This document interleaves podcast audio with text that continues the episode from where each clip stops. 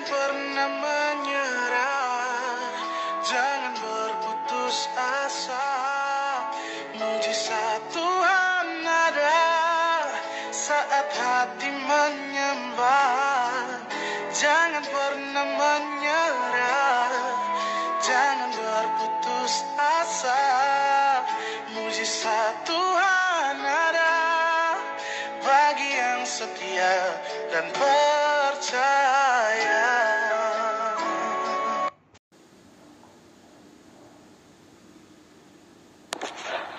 Shalom untuk jemaat uh, GSJ Rawasi. Saat ini saya akan memberikan perenungan singkat tentang firman Tuhan yang saya ambil dari ulangan 4 ayat 9. Berhati-hatilah supaya jangan engkau melupakan hal-hal yang dilihat oleh matamu sendiri.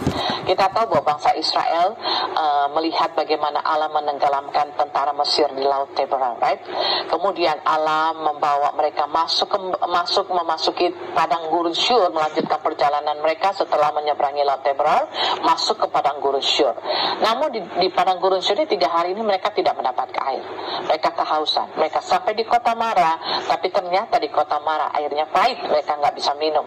Mereka marah-marah, mereka bersungut-sungut kepada Tuhan. Lalu Allah mendengar sungut mereka, lalu Allah membawa mereka masuk ke kota Elim, di mana di situ ada 12 mata air dan 70 pohon korma. Setelah kenyang dan setelah puas dengan uh, kehausan mereka, mereka berangkat lagi dan masuk ke padang gurun Sin. Tapi di padang gurun sini mereka menderita kelaparan. Mereka marah-marah lagi sama Musa. Lalu mereka berkata, kalau kami mati tadinya di tanah Mesir, ya kita makan mati dengan kondisi yang perut yang kenyang, makan roti sampai kenyang, makan daging dengan puas. Tapi di sini kita mati kelaparan. Mereka bersungut, tapi Allah dengar sungut mereka. Allah mengetahui bahwa uh, bahwa mereka membutuhkan makanan. Lalu Allah menurunkan mana untuk mengenyangkan mereka dan juga menurunkan daging.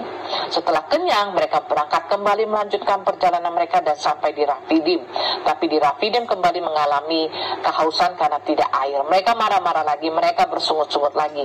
Mereka berseru kepada Musa, "Engkau memimpin kami keluar dari Mesir untuk membunuh kami dengan kehausan." Lalu apa yang terjadi? Allah mengadakan mujizat mengeluarkan air dari gunung batu. Kita lihat di sini bagaimana bangsa Israel terjebak dalam persungutan kepada Allah. Karena apa? Karena mereka selalu melihat kepada tantangan yang ada di hadapan mereka dan lupa kepada apa yang telah Allah lakukan uh, di dalam kehidupan mereka sebelumnya.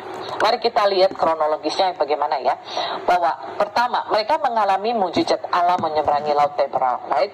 Sebelum mereka menghadapi air pahit di Mara. Setelah mereka menikmati kesegaran 12 mata air di Elim ini, mereka masuk ke padang gurun dan mengalami kelaparan. Dan kembali lagi mereka protes kepada Musa ya. Mereka masuk setelah diberi di, di, diberi makan mana mereka masuk masuk ke kota Rafidim dan di sini mereka juga kehausan lagi mereka marah-marah lagi bersungut-sungut lagi kepada Tuhan dan mereka lupa kalau Tuhan itu bisa memberikan kepada mereka 12 mata air dan 70 pohon korma untuk memuaskan dahaga mereka di masa yang lalu tentunya Allah dapat melakukan sesuatu untuk memuaskan dahaga mereka. Tapi mereka tidak berpikir demikian mereka hanya ngeluh mereka hanya bersungut-sungut. Ya, kita lihat bahwa sesungguhnya tuh Allah telah meninggalkan begitu banyak sejarah akan kasih dan kebaikan Tuhan di dalam kehidupan mereka. Namun apa yang mereka lakukan ya mereka lupa semuanya karena mereka lebih terfokus kepada apa yang ada di hadapan mereka, persoalan tantangan yang ada di hadapan mereka dan mereka lupa. Akibatnya apa? Mereka ngeluh, mereka bersungut-sungut, tidak berhenti-hentinya. Seperti yang kita dengar dari cerita telenovela ya, setiap orang tuh suka nonton drama telenovela yang bersambung terus. Nah, di sinilah kalau kita terus mengeluh, menghadapi tantangan sedikit mengeluh, udah ditolong, menghadapi tantangan ngeluh lagi seperti bangsa Israel, maka cerita kekristenan kita tuh seperti cerita telenovela yang terus bersambung. Artinya kita terus berpindah dari satu keluhan ke keluhan yang lain, dari satu sungutan ke sungutan yang lain, dari satu kekecewaan ke kekecewaan yang lain. Karena kita selalu lupa akan bagaimana Tuhan menolong kita di masa lalu. Seharusnya kita tahu kalau Tuhan nolong kita di masa lalu, Tuhan akan tolong kita hari ini dan Tuhan akan tolong kita di hari depan.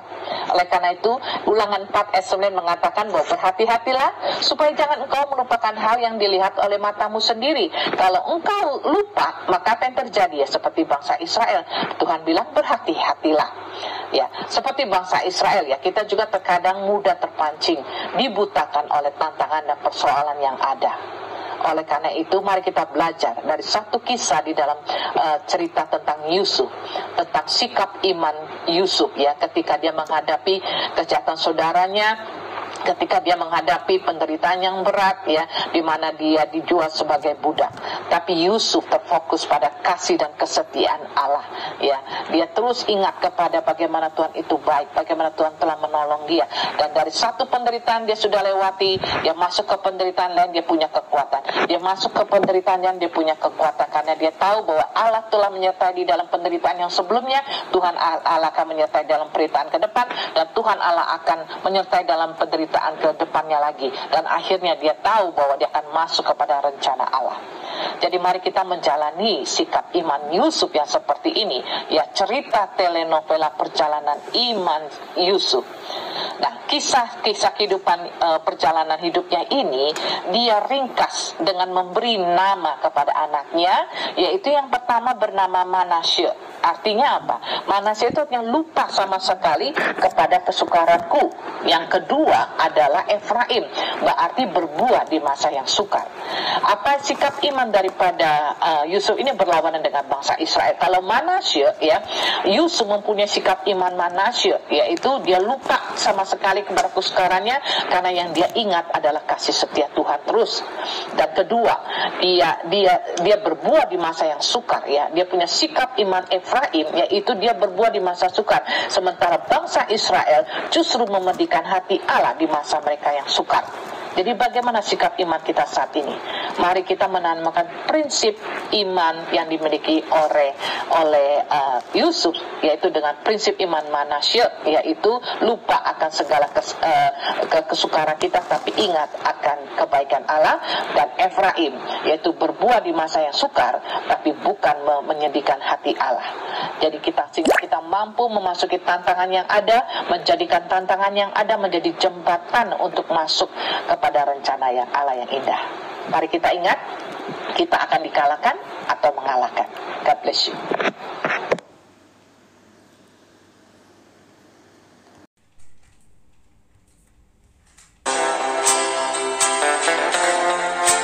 Sampai jumpa esok hari.